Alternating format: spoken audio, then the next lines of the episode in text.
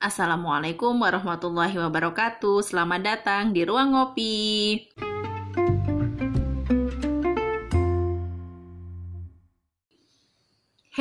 Teman-teman semuanya, Alhamdulillah seperti biasa kita bertemu kembali ya Dan kali ini kita sudah ada di episode ke-18 Ruang Ngopi masih bersama Aska dan Arum. Ya dan hari ini kita mau membahas sesuatu yang menarik juga nih Rum Mm-mm. Dan deket banget sama keseharian kita Mm-mm. Kita mau bahas temanya tentang apa Rum? Tentang kejujuran. Oke, kejujuran. Jujur itu gampang buat diomongin, Mm-mm. tapi nggak segampang itu buat dipraktekin. Ya Iya nggak sih? betul, betul banget, betul Jadi banget. kita mau bicara tentang kejujuran. Jadi kemarin itu ya kita udah Mm-mm. sempet ya Rum ya Mm-mm. eh, nge-share beberapa pertanyaan Mm-mm. di WhatsApp Story dan eh, lumayan banyak respon ya dari teman-teman dan pertanyaan-pertanyaan ini berkaitan dengan kejujuran. Ya. Nah, jadi apa nih Rum yang mau kita bahas di hari ini tentang kejujuran? Oke, hari ini kita tuh akan membahas yang pertama tentang apa sih itu kejujuran, Mhm. gitu. Kejujuran tuh arti kejujuran buat mereka tuh seperti apa. Terus kemudian kita akan eh, apa namanya membacakan respon-respon mereka tentang kenapa sih menurut mereka itu eh, kejujuran itu sulit untuk dilakukan. Benar. Setelah itu kita akan eh, membacakan juga respon dari mereka tentang arti kejujuran buat mereka Ya. dan eh, yang terakhir adalah bagaimana mereka Hmm. yang terakhir adalah bagaimana mereka dapat merespon atau menerima, Menerima, kejujuran yang dikatakan orang lain kepada dirinya. Oke, jadi kadang jadi ini ada dua dua sisi kejujuran yang pengen Ya. kita lihat ya Rum. Mm, Gimana sih pertama kita sendiri bisa jujur sama diri kita, Ya. Uh, ataupun ya ke, ke diri kita, ke orang lain Mm-mm. gitu kan. mm, Dan nggak cuma kita doang mm, yang aktif di sini ya. Ya. Ketika kita jadi orang yang menerima kejujuran orang lain, kadang-kadang kan di uh, kita bilang ya udah bener yang jujur aja deh, Ah, Vi- apa mm, honest respon, honest review kayak gitu Ah, kan ya. bener, Ketika bener. orang berkata jujur, ih gila nyelekit banget gitu sering kayak iya. gitu kan. Jadi sekarang sejauh mana sih kita bisa menerimanya gitu. Nah, jadi ada beberapa pertanyaan yang udah kita lemparkan kemarin itu Rum. Nah, Iya. sekarang aku coba bacain pertanyaannya dan Mhm. nanti Arum akan bacain apa Mhm. sih respon teman-teman di pertanyaan-pertanyaan ini. Oke. Oke, ya kita Siap. mulai ya. mm, mm. Jadi kemarin kita udah tanya nih sama teman-teman Hmm. ruang ngopi. Nah, ada beberapa pertanyaan dan yang pertama adalah apa sih arti kejujuran buat kamu mm, mm. gitu. Dan sejauh mana kamu merasa dirimu itu bisa bersikap jujur. Nah, itu pertanyaan Hmm. pertama. Apa sih respon teman-teman, Rum? Oke. Ini ada lumayan banyak nih responnya ya. Aku bacain dulu, mungkin tiga atau empat kali ya. Boleh, boleh. Nah, jadi yang respon yang pertama, arti kejujuran adalah apa adanya. Terus sejauh mana eh, bisa bersikap jujur adalah ketika iman lagi naik dan selama aku sadar kalau setelah atau dampak dari kebohongan itu nggak enak. Oke. Gitu. Itu respon dari orang pertama. Jujur itu apa adanya Mm-mm. dan biasanya dia bakal lebih mudah untuk jujur ketika Iman dia iman lagi, lagi naik. naik, gitu ya. Iya. Oke. Jadi kalau iman lagi naik tuh eh, apa ya? Kesadaran tuh lagi tinggi, Mm-mm. kita bisa sadar kalau kamu bohong, efeknya sebenarnya lebih buruk. gitu. Iya, Oke, itu gitu. dari teman kita yang pertama. Kita ini aja ya, anonim aja deh ya. Benar-benar. Sip. Yang kedua, Rum. Yang kedua, eh, jawabannya adalah aku suka orang yang jujur meski dia menggunakan bahasa yang kasar. Bahasa aja loh ya, bukan dengan sikap yang kasar. Dari bahasa aku bisa memaklumi, tapi kalau dia sudah bersikap kasar, aku nggak suka. Bahkan bisa jadi benci. Jadi kalau dipersenin 80% aku suka orang yang jujur. Hmm, oke. Jadi Gitu. kalau seandainya nih teman eh, sahabat ruang ngopi kita yang kedua ini, Mhm. dia bilang dia masih bisa menerima kejujuran walaupun dengan bahasa yang kasar asal jangan ada tindakan-tindakan yang Eh, tidak baik. yang tidak baik gitu Ya, ya. Oke. gitu. Oke, terus yang eh, teman kita yang ketiga nih Mhm. bilang jujur itu terkadang pahit. Kenapa? Karena berbeda dengan ekspektasi, membuat si penerima ini kurang nyaman atau bisa jadi menyakitkan. Makanya muncullah profesional untuk mendengarkan cerita tanpa judgement karena perlu proses untuk bisa menjadi pendengar yang baik. Terus yang terakhir nih ya, respon yang terakhir adalah Oke. eh, menurutku kejujuran merupakan keterbukaan hati yang terucap dan perbuatan yang dilakukan. Mulut yang berucap tanpa dilandasi dari hati sebenarnya adalah kebohongan. Ketika kita jujur, sejatinya kita sedang mengendalikan situasi dan emosi kita. Terus sejauh mana sih bisa jujur? Sejauh saya bisa memahami diri sendiri dulu, mengakui siapa diri saya sebenarnya, lalu mengakui kebenaran dari orang lain. Namun mengungkapkan sebuah kejujuran harus dengan kebijaksanaan dan kelapangan karena tergolong rawan pada emosional seseorang. Benar. Nah, yang terakhir ini Penutupnya ini ya, juara banget ya. juara banget. Oke, Mm-mm. jadi pas banget itu dipilih untuk diletakkan di akhir ya.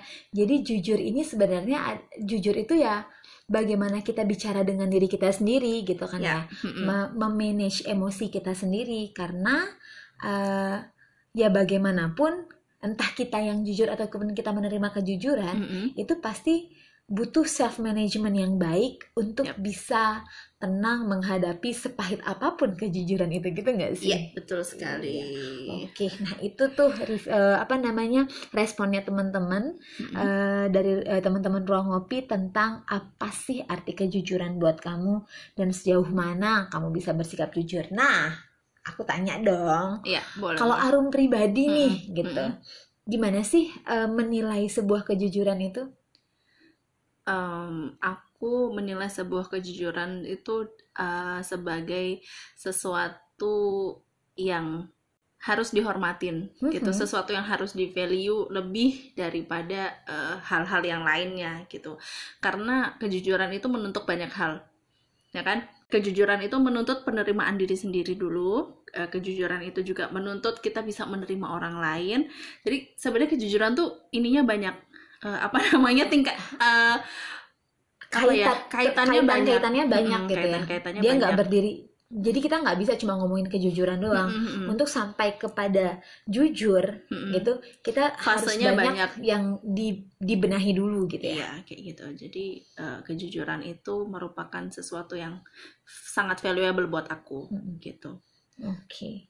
Kalau aku pribadi ya, Hmm, eh, kadang-kadang gini Rum, mungkin Mm. ada perspektif yang berbeda. hmm, Ada orang-orang yang pantas hmm, mendapatkan kejujuran kita. Tapi ada Hmm. orang-orang ataupun keadaan-keadaan yang mereka udah nggak worth it aja buat menerima kejujuran itu. Iya Dalam sih, artian, iya, iya. biasanya kalau Hmm. aku gini, hmm. aku udah nggak mau deh ribet-ribet sama orang itu. Oh, Dia mau bilang satu tambah satu lima, juga aku bakal oh iya aja ya gitu. udah aja gitu kan. Kamu Iya. seperti ini, kamu seperti ya udah aja. Aku Ah, nggak perlu ah. nggak perlu berdebat sama dia dan mengatakan eh, honest apa ya Oh, honest respon. honest respon aku terkait eh, kata-katanya dia Hmm, iya, gitu iya. jadi ya kejujuran itu eh, pantas didapatkan orang-orang yang ya adalah orang-orang yang layak untuk mendapatkan kejujuran itu dan ada orang yang ya udahlah dia mah biarin aja. Kayak gitu nggak sih? Mungkin ya itu di sisi yang lain Iya, sih iya. gitu. Nah yang kedua nih Rum. Setelah tadi kita bahas tentang arti dan sejauh mana kita bisa jujur itu Mm-mm, ada dilema lain mm-mm. ya kita ngerti nih teorinya udah dapet nih Mm. gitu kan Tahu teorinya. teorinya tahu Mm. bahwa jujur itu juga merupakan sebuah kebaikan Mm-mm. tahu gitu kan ya tapi ternyata ketika dipraktekkan itu sulit Banyak Nah, banget kendalanya ya. banyak banget kendalanya gitu Mm-mm. kan nah jadi pertanyaannya Mm. menurut kalian nih ya Mm-mm. gitu kan kenapa sih bagi sebagian besar orang jujur itu sulit Mm, apa sih alasannya jujur itu menjadi sulit Oke. Nah, apa nih Rum? Eh, respon dari Kita teman-teman. kita jawab eh kita bacakan dulu respon, Respon dari teman-teman dulu ya. deh. Hmm, yang pertama adalah karena terkadang jujur itu menyakitkan, bahkan ketika kita jujur terhadap diri sendiri gitu. Karena eh, jujur itu juga menyiksa dan membelenggu, Wow. katanya gitu. Wow. Katanya gitu. Gimana ini? Kenapa kenapa Mungkin bisa gini, jujur itu mungkin gini. menyiksa dan membelenggu? orang merasa jujur itu bakal menyakitkan, Mm-mm. menyiksa seperti itu ya, karena dia sudah terlalu jauh Mm-mm. mempertimbangkan kira-kira kalau dia jujur bakal jadi kayak gini nih, bakal Oh, jadi kayak gini nih. Jadi itu jujur yang diikuti oleh overthinking. Oh iya, bisa jadi kayak gitu, Iya kan? gitu kan. Mm-mm. Eh, karena mungkin sering kali kita mau jujur, tapi nanti dia sakit hati gimana? Tapi Ah, kalau dia iya, malah iya. sedih gimana? Kalau dia Iya. malah ngejauhin aku gimana? Iya, Ketika iya. kita mau jujur sama Hmm. seseorang, Iya, iya. bisa jadi karena itu gitu. Oke. Mm-mm. Nah yang kedua rum apa rum? Yang kedua, demi menjaga sebuah hubungan yang baik dan hati orang itu, lebih baik diam dan orang itu tahu dengan sendirinya daripada kita yang berterus terang lewat mulut kita. Atau kita perlu memodifikasi kata dan mengutarakan hal tersebut. Jadi menurut dia eh, kenapa itu sulit karena Jaga perasaan. jaga perasaan orang Mm-mm. gitu atau jaga perasaan uh, orang terdekat dia ataupun rekan-rekan dia di kantor ataupun teman-teman dia Karena ataupun ya- pasangan dia gitu menjaga hati bagi orang lain lah Bagi gitu, sebagian gitu. orang ya, ya udah sih. Mungkin nggak enak di aku ya udah aku nggak perlu nyampein. Nah. Yang penting, yang penting hubungan ini aman aman Hmm. gitu. Ya. Tapi itu plus minus nggak sih Ya. menurutku? ya Eh, ketika kita menjaga perasaan orang lain, eh, terus ya udah dia merasa itu baik-baik saja, Mm-mm, itu baik-baik saja, itu berlanjut. At the end, yang bakal sakit kita sendiri, iya ya nggak sih? Tapi itu adalah realita yang terjadi di Mm. tengah-tengah kita. yes Ya, oke. The- Ada lagi nggak Rum? Respon Ada, lagi? ada, dong ada lagi. ya. In my honest opinion, manusia cenderung ingin membahagiakan orang lain. Jadi, ketika dia dihadapkan dengan suatu hal yang jika diungkapkan dengan jujur akan berpotensi membuat orang lain sedih atau marah atau kecewa, maka secara tidak sadar dia akan merasa sulit untuk berkata atau berperilaku jujur. Tapi ini juga nggak berlaku ke semua orang. Nggak jarang, aku juga menyumpai orang menjumpai orang-orang. Aku dengernya kayak aku juga menyumpahi. maafkan maafkan Ulang Jadi- dari ini. Eh, nggak jarang aku juga menjumpai orang-orang yang jujur apa adanya ke orang lain terutama ke orang-orang terdekatnya karena bagaimanapun honesty is a good thing tinggal gimana kita eksekusinya aja dan biasanya orang-orang yang dekat dengan diri kita cenderung bisa menerima omongan senyelekit apa pun tentang diri kita tentang diri mereka sendiri Terus ada, kalau emang sebab lain kenapa jujur itu sulit, ya karena sejak kecil kita sudah dijejali dengan kebohongan. Contoh, cup cup cup jangan nangis, nanti sore mama ajakin naik odong-odong ya. Padahal sampai matahari terbit keesokan harinya dan hari-hari selanjutnya si anak nggak diajak naik odong-odong gitu. Terus yang kedua, kebohongan yang kedua, ayo nak, ah, nasinya dihabiskan kalau nggak ayamnya mati. Padahal ayam lebih berpotensi mati.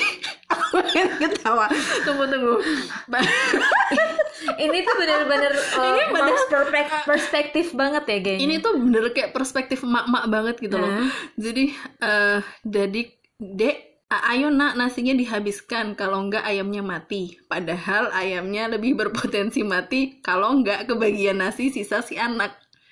Oh gitu. Jadi ini ceritanya Jadi- skenario-nya uh, mereka punya peliharaan ayam gitu ya di Ah, rumah ya. ah, ah, punya peliharaan ayam itu tuh kayak most common eh, kebohongan gitu loh. Iya, iya. Jadi kayak apa ya kebohongan umum yang dikatakan eh, emak-emak zaman dahulu, Iya, jadi kayak- terutama di Jawa ya, Bener, terutama bener. di Jawa. Eh, apa ya kebohongan-kebohongan yang jadi kayak ya udah itu tuh udah udah kadang-kadang mungkin ketika kita udah gedean gitu kita udah Mm. tahu aja itu kebohongan tapi Mm. ya tetap aja diterusin gitu Iya, nggak kayak sih? gitu. Jadi apa namanya?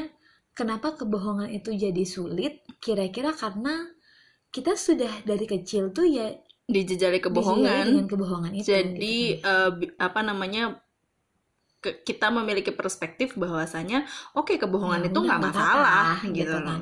Yang penting ya Mm-mm. udah yang penting masalah cepet selesai Iya. mm-mm. dengan si bohong tadi malahan kayak gitu betul. kan. Ada lagi nggak Rum? Oh ini sih mungkin karena banyak kekurangan yang ingin dia tutupi dan sebagian orang tidak bisa menerima kekurangan tersebut Kayak gitu. Itu bisa juga sih. Bisa bener. Bisa Ya, jadi karena- case sih. Karena kita nggak ya kita nggak semuanya siap ya untuk dilihat kurang oleh orang lain meskipun ya udah kita Iya. tahu oh gue kurang nih di sini kurang nih di sini tapi kita nggak sesiap itu untuk orang lain tahu apa aja kekurangan kita itu yang uh, mungkin bagi sebagian orang ya uh, penyebab kenapa sih uh, jujur itu jadi sulit gitu. Mm -hmm. Tapi oke, okay, ini uh, apa ya di luar di luar pertanyaan yang tadi. Mm -hmm. Uh, then come a question kayak gitu, yeah. mm ya kan? Lantas, mm -hmm. kalau buat Arum sendiri nih misalnya kan, atau mungkin mungkin di aku juga gitu mm -hmm. kan apa sih motivasi kamu hmm? dengan segala tadi kan ada banyak sekali hambatan ya yang hmm. bikin orang itu jadi sulit buat jujur gitu kan hmm. dari ekspektasi hmm. dari takut uh, overthinking uh, dari overthinking hmm. ataupun uh, tidak siap untuk mendapatkan dilihat, respon orang dilihat kekurangannya nggak hmm. siap dengan respon orang lain hmm. kayak gitu gitu ya lantas kalau kamu pribadi hmm. apa sih yang bikin kamu atau apa sih motivasi kamu untuk tetap jujur? Motivasi aku untuk tetap jujur adalah menyelesaikan masalah. I see. Karena gini, um, apa namanya? Mungkin memang ini tidak bisa 100% diaplikasikan dalam dalam uh, semua setiap, kasus ya. Setiap hmm. kasus ya. Cuma uh, selama kasus itu masih bisa diselesaikan dengan bersikap jujur, hmm aku akan uh, akan berusaha untuk menyelesaikan itu dengan jujur. Aku pribadi selama itu masih bisa uh, memakai sistem kejujuran Kenapa lebih enggak, uh, gitu lebih ya? baik dipakai. Dan aku tuh pernah baca uh, sebuah pepatah bahasa Arab gitu, Rum. Uh, bunyinya tuh fisorohah rohah gitu. Ah, Dalam kejujuran itu ada ketenangan. Hmm, iya sih. Iya nggak sih? Iya, iya benar-benar. Uh, tapi menuju ke ketenangan itu kita butuh keberanian dulu gitu. Iya. Tapi benar, ketika kita bisa jujur gitu kan, ketika kita bisa ngomongin apa yang yang sebenarnya terjadi di hati itu lebih tenang. Iya. Meskipun akan mungkin ada akan ada sesi apa ya masa-masa berkecamuknya dulu yeah, untuk yeah. sampai kita ke jujur itu yeah. gitu kan.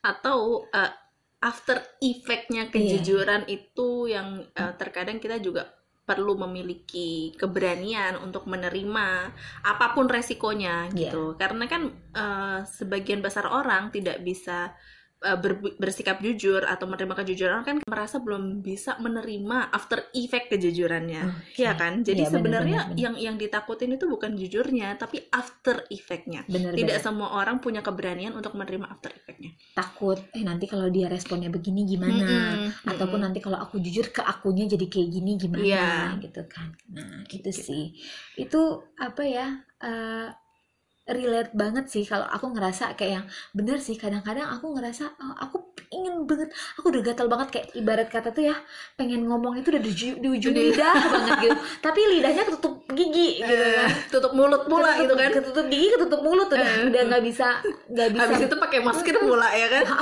Jadi double double. ya. Double double kan? Jadi kayak ada hal-hal yang ih udah pengen banget pengen banget bilang hmm. kayak gini kan. Uh, cuma ya itu ketika uh, bermainlah segala pemikiran uh, itu di kepala uh, kita akhirnya ya udah sih ya udahlah tahan aja gitu. Tapi memang bagaimanapun ada hal-hal yang perlu kita tahan ada hal-hal yang perlu kita sampaikan yeah. gitu. Yang penting kalau menurut aku ya dalam kejujuran ini dalam dalam hal-hal seperti ini jangan sampai jadi penyakit Iya, betul. Iya gak sih? Mm -mm. Ada orang-orang yang nahan, nahan, nahan di dirinya akhirnya jadi penyakit buat dia gitu. Iya. Nah, terakhir nih Rum. Yep. Um, tadi kita udah ngebahas bagaimana sih kita yang bersikap jujur itu. Iya. Kenapa mm itu sulit buat kita, kenapa itu penting buat kita, mm gitu kan.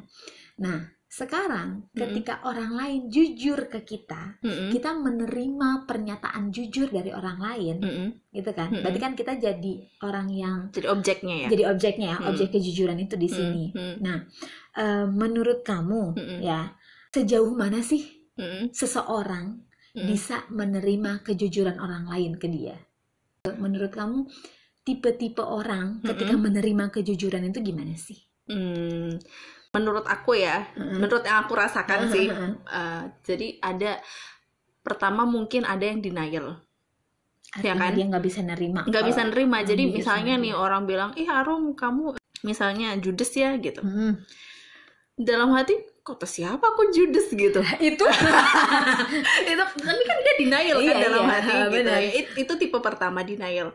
Orang lain men- menyampaikan kejujuran gitu karena memang perspektif mereka aku tuh judes gitu ataupun ya perspektif mereka di level sedemikian itu udah termasuk ke ya. Eh, judes kategori judes Nah, gitu kan. kayak gitu. Nah, tapi aku sendiri denial. Aku Oke. aku gak judes kata siapa gitu. Jadi segala macam denial tuh ada di dalam diri kita. Benar. Itu- itu, itu tipe, tipe yang pertama. pertama dalam pertama denial. Kejujuran yang kedua tipe menjauh. Jadi ada kan oke. tipe-tipe orang yang kayak gitu? Aku dijujurin. Eh, dijujurin. Ibarat kata eh, aku juga Ha-ha. bilang sama kamu nih Ha-ha. Rum kamu kok judes sih? Gitu Ah. nah terus yang kedua ini responnya gimana responnya tuh gini oh awas aja ya lu gitu. Bilang-bilang gue judes ya udah kalau emang nggak mau kalau emang nggak mau gue judesin lu pergi aja. Atau enggak ya udah kalau emang kamu nggak mau sama aku ya udah gue aja yang pergi gitu. Jadi dalam artian Dalam dia artian?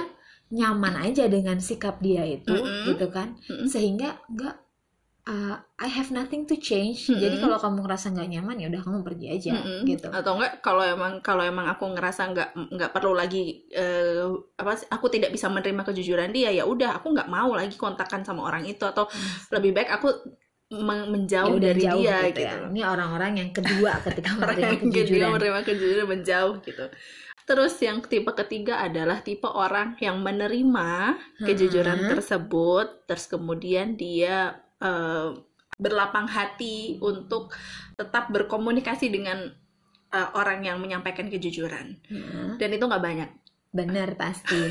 Tapi kayaknya banyak. menurut aku ada deh in between yang kedua sama yang ketiga itu. apa itu Mereka menerima, Mm-mm. tapi penerimaan mereka itu tidak sepenuhnya dibarengi ah, dibarengi. dengan overthinking. Ah ya, Ya ya, nggak sih? bisa bisa Jadi, mm-mm. Oh, iya deh, aku aku ternyata gini ya, gitu kan. Mm-mm.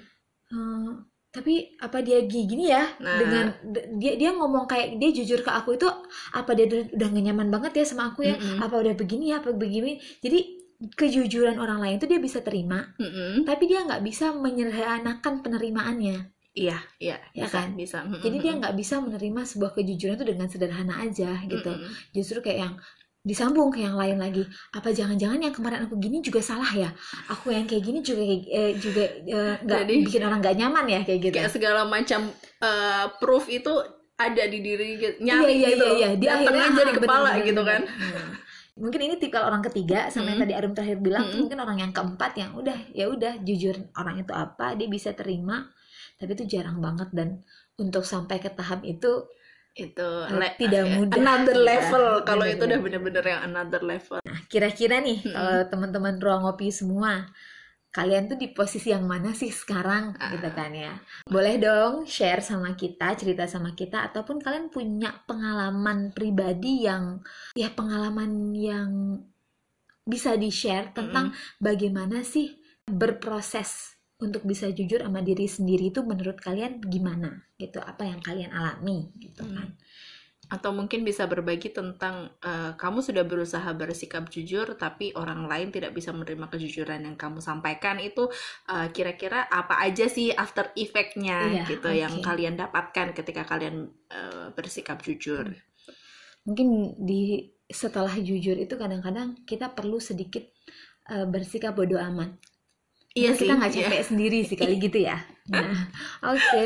Uh, intinya kita tunggu ya respon dari teman-teman tentang gimana sih perspektif kalian tentang kejujuran ataupun punya cerita-cerita yang menarik tentang kejujuran ini Iya. biar kita bisa uh, apa namanya obrolin juga di uh, podcast selanjutnya Iya. gitu. Nah kalau kalian suka sama podcast ini Jangan lupa di like, di subscribe, dan juga di review Hmm. di eh, aplikasi-aplikasi yang kalian miliki. Dan jangan lupa eh, follow Instagramnya ruangopi.official. ya jangan lupa di share eh, podcast ini ke teman-teman yang lain biar lebih banyak juga yang dengerin dan Mm-mm. lebih banyak juga yang bisa semoga terhibur ya kan dan apa namanya manfaat. dapat dapat manfaat juga dari obrolan eh, ringan kita lah pada hari ini gitu sekian dulu dari kita berdua Mm-mm. Eh, insya Allah ketemu lagi di minggu depan di episode ke-19 dengan tema yang insya Allah nggak kalah seru daripada yang kita udah bi- bicarakan hari ini ya. Yap. So that's all. Mm-mm. Terima kasih dan akhir kata Wassalamualaikum warahmatullahi wabarakatuh. Bye bye.